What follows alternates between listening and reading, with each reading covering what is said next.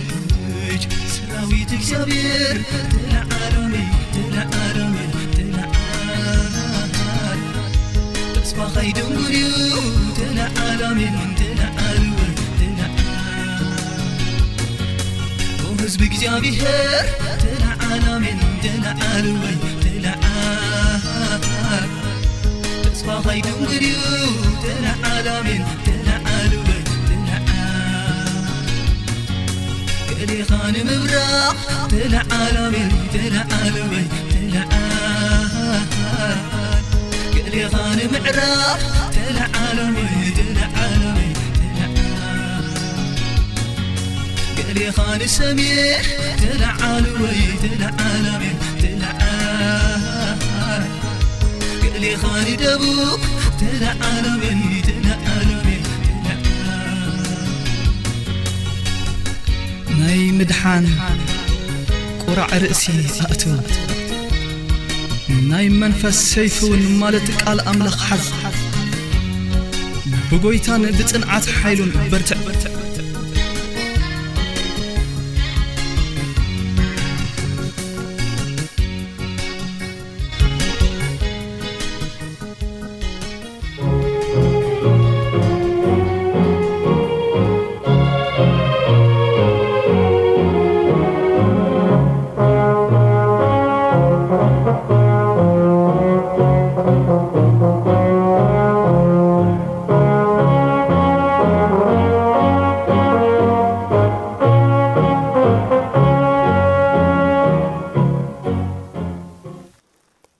ሰላም ከመይ ጽንሑ ክቡራት ተኸታተልቲ መደብና ኣብ ዝሓለፈ ብዝረኣናዮ ሓሳብ መቐጸልትኡ ሒዘ የቐሪበ ዘለኹ እግዚኣብሔር ምእንቲ ከምህረና ሕፅር ዝበለ ጸሎት ክንጽሊና ንጸሊ እግዚኣብሔር ኣምላኽና ነመስግነካ ኣለና ዓብ ኣምላኽ ስለ ዝኾንካ ተንብረና ብኣኻ ንዋሳወስን ንንቀሳቐስን ንነብርን ስለ ዘለና ተመስገን ሕጂ ድማ ቃልካ ከፊትና ኣብ ንጽንዓሉ እዋን ንስኻ ምሳና ኩን መሃረና ኣስተውዒልና ምንባር ንኽእለሉ ጸጋ ድማ ኣብዝሓልና ብጐይታና መድሓና የሱስ ክርስቶስ ስም ኣሜን ከም ዝከር ኣብ ዝሓለፈ ናይ ቃል ግዜና ዝረኣናዮ ኣርእስቲ ነቲ ዝረኣዮ ሓዉ ዘየፍቅሮስ ነቲ ዘይረኣዮ ኣምላኽ ከፍቅሮ ኣይከኣሎን እዩ እሞ ንሓዉ እናጸሎስ ንኣምላኽ እፍቅሮ እየ ዝብል እንተሎ ንሱ ሓሳዊ እዩ ዝብለና እዚ ተርእስና ከም ዝከር ኣብ ዝሓለፈ እዚ ሓሳብ እዚ ከም መሰረት ወይ ድማ ከም መእተዊ ክኾነና ቁፅሪ ዓሰርተ ትሽዓተ ዘሎ ሓሳብ ኢና ርኢና ኔርና። ንሱ ድማ እንታይ እዩ ዝብል ንሱ ቀደም ኣፍቂሩና እዩሞ ንሕና እውን ነፍቅር ኢና። ስለዚ ንሱ ኣፍቂሩና እዩ ስለ ዘፍቀርና ብትብዓት ናብ ዝፋን ጸጋ ነቕረብ ምእማንና ነጽንዕ ድሌታትና ዘበላኡ ነቐርብ ንሱ ቀረባ እዩ ቀረባ እዩ ንጽውዕዎ ድማ ፍቓዶም ይፍጽም እዩ ንዝፈርዎ ድማ ፍቓዶም ይፍጽም እዩ ዝብል ሓሳብ ኢና ርኢና ነርና እሞ ሎሚ ኸዓ እግዚኣብሄር ፍቕሩ ዝገለጸሉ ዓብዪ መንገዲ ብወዱ ብክርስቶስ የሱስ እዩ እሞ ኣብኡ ኢና ክንርኢ ማለት እዩ ዝተወሰነ ሓሳብ ኣብ እብራን ምዕራፍ ክልተ ፍቕሪ 17 ብዛዕባ ወዱ ክነገረና ከሎ ኣብ ዝሓለፈ እውን ተናኻኺፍናዮ ነርና ኢና ወዱ ኢየሱስ ክርስቶስ ከም ዝመጸ፣ ዙፋኑ ገዲፉ፣ ክብሩ ገዲፉ ከም ዝመጸ መጽሓፍ ቅዱስ ይዛረበና እዩ። እሞ ክዛረብ ከሎ ኣብ እብራያን ምዕራፍ 2 ፍቅዲ 17 ከም ዝብል ሓሳብ ኣሎ። ስለዚ ነቲ ሓጢኣት ህዝቢ ምእንቲ ኸተዓርቕ ብናይ ኣምላኽ ዘበለ ደንጋጽን እሙን ሊቀ ካህናት ምእንቲ ክኸውን ብኹሉ ነቶም ኣሕዋቱ ክመስሎም ተገብኦ ይብለና። መልክዕ ባርያ ወሲዱ መጺኡ ንዓና ንኸድሕን ብኹሉ መንገዲ ንዓና መሲሉ ዝሓለፍናዮ ኩሉ ፈተናታት እዩ ሓሊፉ ብኩሉ መልክዕ ንዓና መሲሉ እዩ ንሕና ክንወድቀሉ ንክእል ሓጢኣት ንሱ እውን ናይ ምውዳቅ ፕሮባብሊቲ ነይርዎ እዩ እሞ በዚ ዓይነት ፈተና ሓሊፉ ግን እንታይ እዩ ገይሩ እብራን ምዕራፍ ኣርባዕተ ድማ እንደገና ቁፅሪ ዓሰርተ ኣርባዕተ ዓሰርተ ሓሙሽተ ኣብ ዝሓለፈ ርኢናዮ ነርና እንታይ ይብል ደጊም ይብለና መፅሓፍ ቅዱስ ክዛረብ ከሎ ብዘይ ሓጢኣት ብኩሉ ከምዚ ከማና እተፈተነ እዩ ከምዚ ከማና መሲሉ ከምዚ ከማና ዓይነት ዝበስበሰ ስጋ ሒዙ ነገር ግን ብዘይ ሓጢኣት ብኹሉ ከምዚ ከማና እተፈተነ ፈተናታቱን ከምዚ ከማና ሙሉእ ብምሉእ በፂሕዎ ክገጥመና ዝኽእል ፈተና እያዎም ካባና ንላዕሊ ተፈቲኑ ኢንፋክት ንሕናስ ብዝገበርና ኢና ንፍተን፣ ነገር ግን ንሱ ብዘይገበሮ ኣብ ክንዲ ሰናይ ሕማቕ እናተፈድየ፣ ኣብ ክንዲ ዝፈወሶ እናተኸሰሰ፣ ኣብ ክንዲ ምግቢ ባሪኹ ንሰብ ዝሃበ እናተኸሰሰ እናተሃድነ፣ ብሰብ ንኽጽላእ ፕሮፖጋንዳ እናተሰርሓሉ ከቢድ ፈተና እዩ ተፈቲኑ። ኢንፋክት ልዕሌና እዩ ተፈቲኑ። ንመጽሓፍ ቅዱስ ኣትሊስት ንዓና እውን ክርዳኣና ኢሉ ከምዚ ከማና ብኩሉ ዝተፈተነ እዩ ነገር ግን ብዘይ ሓጢኣት ብዘይ ሓጢኣት ከምዚ ከማና ኩሉ ተፈተነ ይብለና ምዝ ተታሓሒዙ ናብዘን ክልተ ጥቕስታት ክምለስ እየ ኣብ ቀዳማይ ጴጥሮስ ምዕራፍ ክልተ ፍቕዲ 2ስራን ሓደን እውን ከይና ንሪእየኣለዋን ከም ዝብል ሓሳብ ኣሎ እንታይ ይብል ነዚኹም እተፀዋዕኹም ኣስኣሰሩ ክትስዕቡ ኣርኣያ ሓዲግልኩም ምእንታኹም መከራ ጸገበ ቁጽሪ ዕስራን ክልተን ከኣ ንሱ ሓጢኣት ዘይገበረ ሓጢኣት ዘይገበረ ተንኮሉ ናብ ኣፉ ዘይተረኽበ ምስ ጸረፍዎ መሊሱ ዘይጸረፈ መከራ ምስ ኣጽገብዎ ከኣ ነቲ ብቕንዕና ዝፈርድ ደኣ ነገሩ ሕሊፉ ደሃበ እምበር ዘየፈራርሀ ንሓጢኣት ሞይትናስ ንጽድቂ ምእንቲ ክንነብር ንሱ በዓላ ንሓጢኣትና ኣብ ስግኡ ኣብ ዕንጨይቲ ጸሮ ብቑስሊ ኢኹም ዝሓወይኹም ይብለና ሓጢኣት ዘይገበረ ተንኮል እውን ኣብ ኣፉ ዘይተረኽበ ምስ ጸረፍዎ መሊሱ ዘይጸረፈ መከራ መሰ ዝገበኦ ከኣ ነቲ ብቕንዕና ዝፈርድ ኣሕሊፉ ዝሃበ እምበር ዘየፈራርሀ ጎይታ እዩ ኢየሱስ ክርስቶስ ኬናም ንኢልዋን ኣብዚ ሰለስተ ዓበይቲ ሓሳባት ኢና ንርኢ ተቐዳማይ ኢየሱስ ክርስቶስ ከምዚ ኸማና ዝኾነሉ ዋና ምኽንያት ከምዚ ኸማና ኮይኑ በቲ ንሕና ንሓልፎ ፈተናታት ኩሉ ተፈቲኑ ሓሊፉ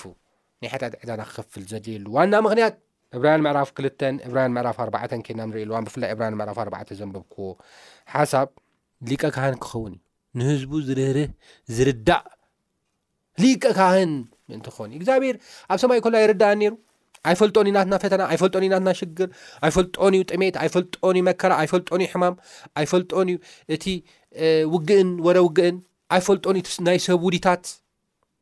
ይፈልጦ እዩ እግዚኣብሔር ኩሉ ዝፈልጥ ኣምላኽ እዩ መፅሓፍ ቅዱስ ኣብ ቀዳማ ዮሃንስ ምዕራፍ ኣርባዕተ ብዚ ሒዝናዮ ዘለና ምዕራፍ ከድና ብ ንሪእየኣሉዋን ንሱ ካብ ልብና ይዓቢ እዩ ኩሉ ይፈልጥ እዩ ይብለና ካብ ልብና ንሕና ይፈልጥ እዩ ካብ ንብሎ ልብና ንባዕሉ ይዓቢ እዩ ንሱ ኩሉ ዝፈልጥ ኣምላኽ እዩ ይብለና መዝሙር ምዕራፍ ሚእትን ሰላሳን ሸዓትን እውን ከይድና ኣብ ንርእየሉ እዋን ኩሉ ዝፈልጥ ኣምላኽ ምዃኑ ይዛረበና እዩ። ኦምኒሰንት ጋድ እዩ። እሞ እንተ ደኣ ነዚ ደለየ ንዓና ንኽእምን ኣእምሮና ምእንቲ ክኣምን ኢንፋክት ብዝበለጸ ድማ ከም ዝፈልጥ ንኸርእየና ተኸትኪቱ በትሪ ኣብ ነፍሱ ዓሪፉ ኣርእዩና። ስለዚ ይብለና ዕብራውያን ምዕራፍ ኣርባዕተ ፍቕዲ ዓሰርተ ሓሙሽተ ከምዚ ገይሩ ካብ ርኣየና ክድንግጸልና ዘይክእል ሊቀ ካህናት የብልናን። ዝድንግጽ ሊከ ካህን እዩ ዘለና። ንዓና ክርእየና ከሎስ ኣይ ዛዳ ቀላል እንድያ ኢሉ ዘነዓቕ ኣይኮነን። ዝድንግጽ ዝርህርህ ሊቀ ካህን እዩ ዘለና ይብለና መጽሓፍ ቅዱስ ክዛረበና ከሎ። ቀዳማይ ሓሳብ እዚ ኣብ ክንዲ ህዝቡ ቆይሙ ዝረአ ዝርህርህ ዝሓዝነልና ሊቀ ካህን እዩ ዘለና። ንሱ ድማ ኢየሱስ ክርስቶስ እዩ። እቲ ካልኣይ ሓሳብ ኣብ ቀዳማይ ጴጥሮስ ምዕራፍ ክልተ ፍቕዲ ዕስራን ሓደን ክሳብ ዕስራን ሰለስተን ዘንበብኩዎ ሓሳብ ኣሳሰሩ ምእንቲ ክትስዕቡ እዩ ዝብለና። ኢየሱስ ክርስቶስ ናብዚ መጺኡ መከራ ዝጸገበ፣ ዝተሸገረ፣ ዝጠመየ፣ ዝቖረረ፣ ኩሉ ፈተናታት ዝበፅሖ ኣስኣሰሩ ሞኻ ማለት ብዘይ ሓጢኣት እዚ ኩሉ እኳ ናተፈተነ ብዘይ ሓጢኣት ብዘይ ተንኮል ምንባሩ ኣስኣሰሩ ብፅድቂ ምእንቲ ክንስዕብ እዩ ዝብለና መፅሓፍ ኢንፋክት ኣብ ቀዳማ ዮሃንስ ምዕራፍ ክልተ ፍቅዲ ሓጠ ኣቱም ደቀየ ይብለና ንዓና ክዛረበና ከሎ ሓጢኣት ምእንቲ ከይትገብሩ እዚ ፅሕፈልኩም ኣለኹ እዩ ዝብለና ዮሃንስ ሓጢኣት ዚ ክትገብሩ የብልኩምን ጸጋ ንዓኹትኩም ብጸጋ እኳ ተደሓንኩም። ጸጋ ግን ሓጢኣት ንኽትሰርሑ ዝተዋህበ ፍቓድ ኣይኮነን። ብዘይ ሓጢኣት ንኽትነብሩ ዝጽውዕ እዩ እቲ ጸጋ ኣምላኽ እዩ ዝብለና ዘሎ። ኣስኣሰር ክርስቶስ ሓጢኣት ኣይገብር ንስኻትኩም እውን ሓጢኣት ከይትገብሩ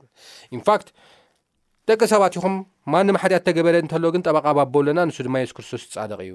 ስለዚ ንሱ ንሓጢኣትና መተዓረቂ እዩ ብናይ ሓጢኣት ኩሉ ዓለም ደኣ እምበር ብናይ ሓጢኣትና ጥራሕ ኣይኮነን ስለዚ ወዲቕኩም ኣይተትረፉ ድማ ይብለና ካልኣይ እቲ ዋና ኣልቲሜት ጎሉ ግን ሓጢኣት ከይትገብሩ ተጠንቀቁ እዩ ዝብለና መፅሓፍ ቅዱስ ኢንፋክት ምዚ ኣታሒዘ እታ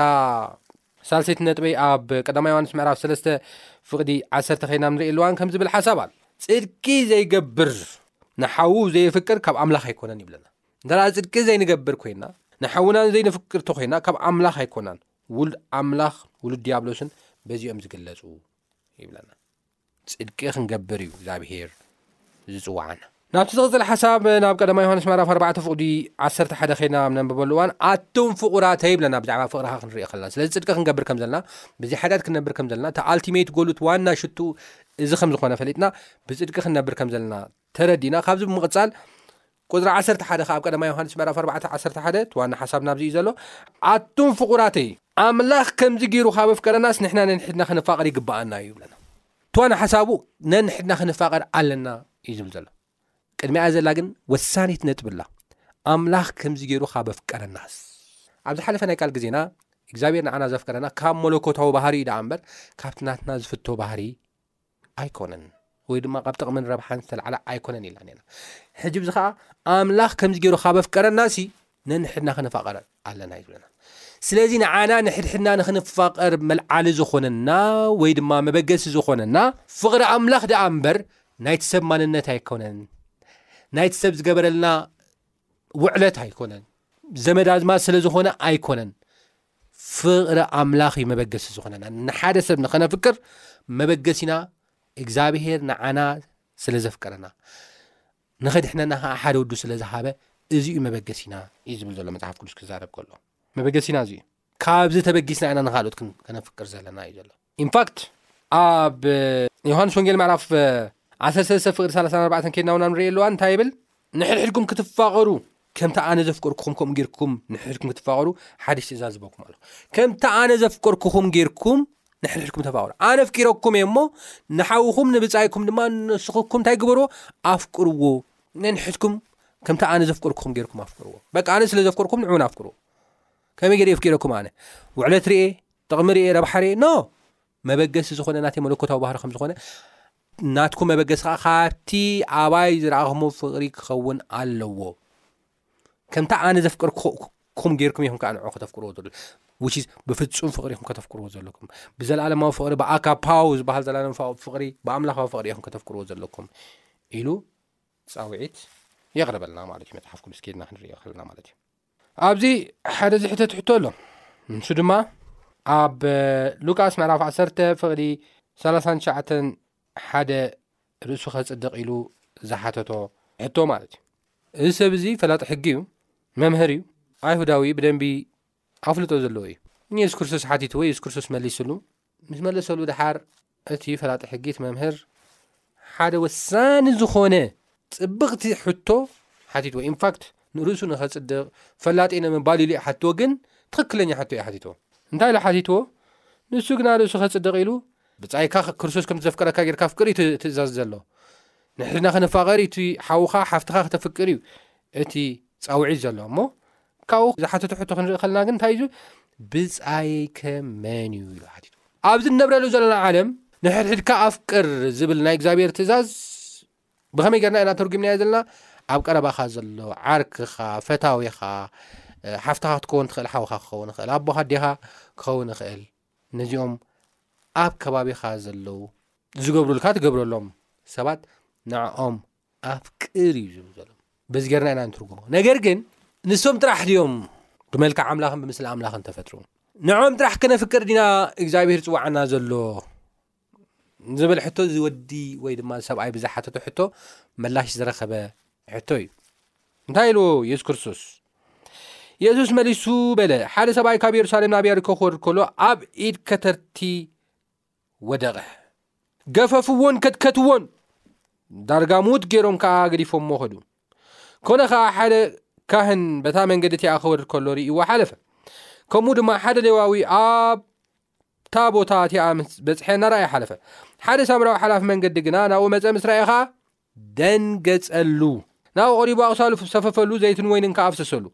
ኣብ ኣድጉ ኣወጢሑ ናብ ማሕደር ኣጋይሽ ወሲዱ ኣለዮ። ንጽባሒኡ ድማ ክልተ ዲናር ኣውጺኡ ነቲ ሓላዊ ማሕደር ኣጋይሽ ሃቦ'ሞ ተኸናኸኖ። ኑኡ ኢልካ ዘጥፋእካዮ ዘበለ ምስ ተመለስኩ ክፈድየካ'የ በሎ። ነቲ ኣብ ኢድ ከተርቲ ዝወደቐ ካብዞም ሰለስተስ ብጻይ ዝኾኖ ኣየኖም'ዩ? ኢሉ መለሰሉ። ንሱ ድማ እቲ ምሕረት ዝገበረሉ በለ። የሱስ ከኣ ኪድ ንስኻ'ውን ከምኡ ግበር በሎ። እዚ ካብ የሩሳሌም ናብ ያሪኮ ክወርድ ከሎ ኣብ ኢድ ከተርቲ ዝወደቐ ብከተርቲ ድማ ዝገፈፍዎ ዝኸትከትዎ ዳርጋ ሙት ገይሮም ድማ ገዲፎምዎ ዝኸዱ ሰብኣይ ማነቱ ይዛረብን መን እዩ ካበይ እዩ መፅኡ እንታዋይ እዩ ቤተሰቡ ከበይ ኣለዉ ምንም ዝፍለጥ ነገር ይብሉ ሰብ መልክዕ ኣምላኽ ምስላ ኣምላኽ ተፈጥረ እዩ ነገር ግን እዚ ሳምራዊ ከድና ንሪእየኣሉዋን እዚ ሳምራዊ እዩ ወዲ ዓደይ እዩ ስለዚ ንወዲ ዓደይ ኣነ ዘረይ ስለ ዝኾነ ከልዕሎ ኣለኒ ኢሉ ይሓሰብን ምክንያቱ ሳምራዊ ምዃኑ ዘለሊ ምንም ነገር የብሉን ሰብ እዚ ነገር ግን እንታይ ገይርዎ እቲ ዝግብኦ ነገር እዩ ገይርሉ ቁስሉ ብዘይቲ ሰፊፉ ንክሓዊ ገይሩ ናብ እንዳ ሕክምና ወሲዱ ተኻናኸኖ ኢሉ ከፊሉ ዋጋ ከፊሉ ዘውፀካ ካልእ ወፃእታ ተሃልዩ እውን ኣነ እንደገና ክፍልካ ኢሉ ከም ተንከባኸቦ ኢና ንርኢ ብዚ ሓሳብ እዚ ማለት እዩ ስለዚ ተቀዳማይ ሓሳብ ኣብዚ ሓሳብ እዚ ብዛይካ እቲ ብመልክዕ ኣምላኽን እቲ ብምስሊ ኣምላኽን እተፈጥረ ወዲ ሰብ ደኣ እምበር ብጻይካ ሓፍትኻ ወይ ሓውኻ እቲ ጽቡቕ ዝገበረልካ ዓርክኻ ወይ ድማ ትገብረሉ ዓርክኻ ኣይኮነን ንሱ ጥራሕ ኣይኮነን ካብዚ ሓሊፉ ብጻይካ ብመልክዕ ኣምላኽን ብምስሊ ኣምላኽን ዝተፈጥረ ወዲ ሰብ እዩ ብጻይካ ማለት እዩ ንኹሉ ከነፍቅር ንኹሉ ንኽንሓሊ ንኹሉ ድማ ከምታ ክርስቶስ ገይሩ ዝሓብሐበና ክንሕብሕብ ጻውዒት ቀሪብልና ኣሎ ማለት እዩ ሎሚ ብ ኢትዮጵያ ኮነ ብ ኤርትራ ኣጠቓላሊ ኣፍሪቃ ኣብ ዓለም እውን ዘለኹም ረድታትና ትከታተሉ ኣሕዋትን ኣሓትን ብዙሓት ንእግዚኣብሔር ነፍቅር ኢና ይብሉ እዮም ንብል ኢና ኢትዮጵያ እውን ከምኡ ንኤርትራ እውን ሓዊስካ religious countries ወይ ድማ ናይ ሃይማኖት ዓድታት ካብ ዝበሃላ ሃገራት እየን ተርታ ተሰሊፈን ዘለዋ ሃገራት እየን። ንእግዚኣብሄር ቅንኣት ኣለና ኢሎም በብእምነቶም ንእግዚኣብሄር ዘለዎም ፍቕሪ ብዝተፈላለየ መንገዲ እዮም ዝገልጹ። ንግሆ ነጸላ ተኸዲኖም ቁርን ዝናብን ጭቃን ከይከልከሎም ናብ ቤተ ክርስትያን ይኸዱ ንእግዚኣብሄር ዘለዎም ፍቕሪ ንምርኣይ ዕሽርን መባኣን ይህቡ። ዕሻይ መዓልቲ ኣድቬንስ ኬድና ኣብ ንርእየሉ እዋን እውን መዓልቲ ሰንበት እግዚኣብሔር ዝፈጠሮ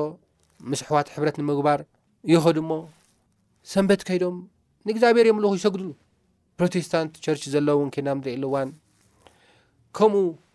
ንእግዚኣብሔር የምልኹ ሓቢሮም ዕሽሮምን መባኦምን ኣብ ሸውዒ መዓልቲ ኣድቨንስ ዘሉ ኣብ ካልእ ቤተክርስትያን ዘለ ኮነ ኩሉ እንታይ ይገብር ይህቡ ገንዘቦም ይህቡ ፍቕሪ የር እዩ ነገር ግን እቲ ሓደ ዓብይ ጸገም እንሪኦ ኣብዚ ዓዲ እዚ ኮነ ኣብ ኤርትራ ከምኡ ውን ካልእ ዓለም እቲ ሓደ ዓቢ ጸገም ኮይኑ ዘሎ ነገር ግን ተሃለወ እንታይ እዩ ንብጻይ ግን ኣየፍቅርን እዩ ነቲ ብመልክዕ ኣምላኽን ብምስልን ዝተፈጥረ ወዲ ሰብ ግን ኣየፍቅርን እዩ ክርኳሕ እዩ ንሓዉ ክርኳሕ እዩ ንሓፍቱ ክርኳሕ እዩ ነቲ ብመልክዕ ኣምላኽን ብምስልን እተፈጥረ ወዲ ሰብ ነዚ ናይ ሎማ ርእስና ንኣምላኽ ኣፍቅሮ እየ እናበለ ንሓዉ ዝጸልእ ንሱ ሓሳዊ እዩ ዘለና ከመይ ገይሩ ነቲ ዜራይ ኣምላኽ ነቲ ዝሪኦ ሓዉ ዘየፍቀረ ሲ ነቲ ዜራይ ኣምላኽ ሲ ኣፍቅሮ እየ ክብል ዝኽእል ከመይ ገይሩ እዩ ይብለና መፅሓፍ ቅዱስ ከመይ ገይሩ ከምኡ ክብል ይኽእል ነቲ ዝረኣዮ ሓዉ እኳ ዘየፍቀረስ ነቲ ዜራይ ኣምላኽ ሲ ኣፍቅሮ እየ ሞተሉ ኢሉ እዚ ሓሶት እዩ ዝብለና መፅሓፍ ቅዱስ ከና ንሪኦ ኣለና እዚ ሓሶት እዩ ካብ ሓሶት ክንወፅእ ኣለና ናይ ሓሶት ሂወት ኣጥፋኣ እዩ ናይ ሓሶት ሂወት ኩሉ ግዜ ኣዕናዊ እዩ ናይ ሓሶት ሂወት ኩሉ ግዜ ናብ ብስባሰን ናብ ጥፍኣትን እዩ ዝወስደና ብናይ ዓለም ምትላል እተታለለ ናይ ሓሶት ናብራ ዘሎ ነብር ዘሎ ሰብ እዩ ካብዚ ነገር ክንወፅ እዩ ናይ እግዚኣብሔር ፃውዒት ሎሚ ካብዚ ነገር እዚ ንውፃእ ብሓቅን ብመንፈስን እግዚኣብሄር ዘምልኹ ዝፈቱ ብሓቅን ብመንፈስን እዩ ብሓቅን ብመንፈስን እዩ ብሓቂ ከምልኾ እዩ ዝደሊ እግዚኣብሔር ብሓሶት ዘይኮኑስ ብሓቂ ከምልኾ እዩ ዝደሊ እሞ ብሓቂ ክነምልኾ ብሓቂ ክንሰግደሉ ብሓቂ ድማ ክንምብርከኸሉ እዩ ዘል እግዚኣብሔር እሞ ንዕኡ ብሓቂ ክንምበርከኸሉ ይግባኣና በረኸት ኣለዎ ንሓውካ ብምፍቃር በረኸት ኣለዎ ንብፃይካ ብምፍቃር በረኸት ኣለዎ መፅሓፍ ቅዱስ ኣብ ኢሳያስ ምዕራፍ ሓደ ከይና ንሪኢ ኣሉዋን እንተ ተኣዚዝኩምን ንስሓ ተኣትኹምንሲ ናይ ምድሪ በረኸት ክትበልዑ ኢኹም እዩ ዝብለና በረኸት ኣለዎ ክንባረኽ እንተ ደኣ ኮይና ነንባዕልና ንፋቐር ክንባረኽ እንተ ደኣ ኮይና ፍቕሪ ኣምላኽ ንረዳእ ክንባረኽ እንተ ኾይና ናብቲ እግዚኣብሄር ኣምላኽ ዝረኣየልና መንገዲ ብኡ ንቋዓዝ እዚ ክንገበር እምበኣር እግዚኣብሄር ፀጉ የብዝሓልና ኣብ ዝቐፅል ብካልእ ክሳብ ንራኸብ ሰላም ኩኑ ጎይታ ይባርኽኩም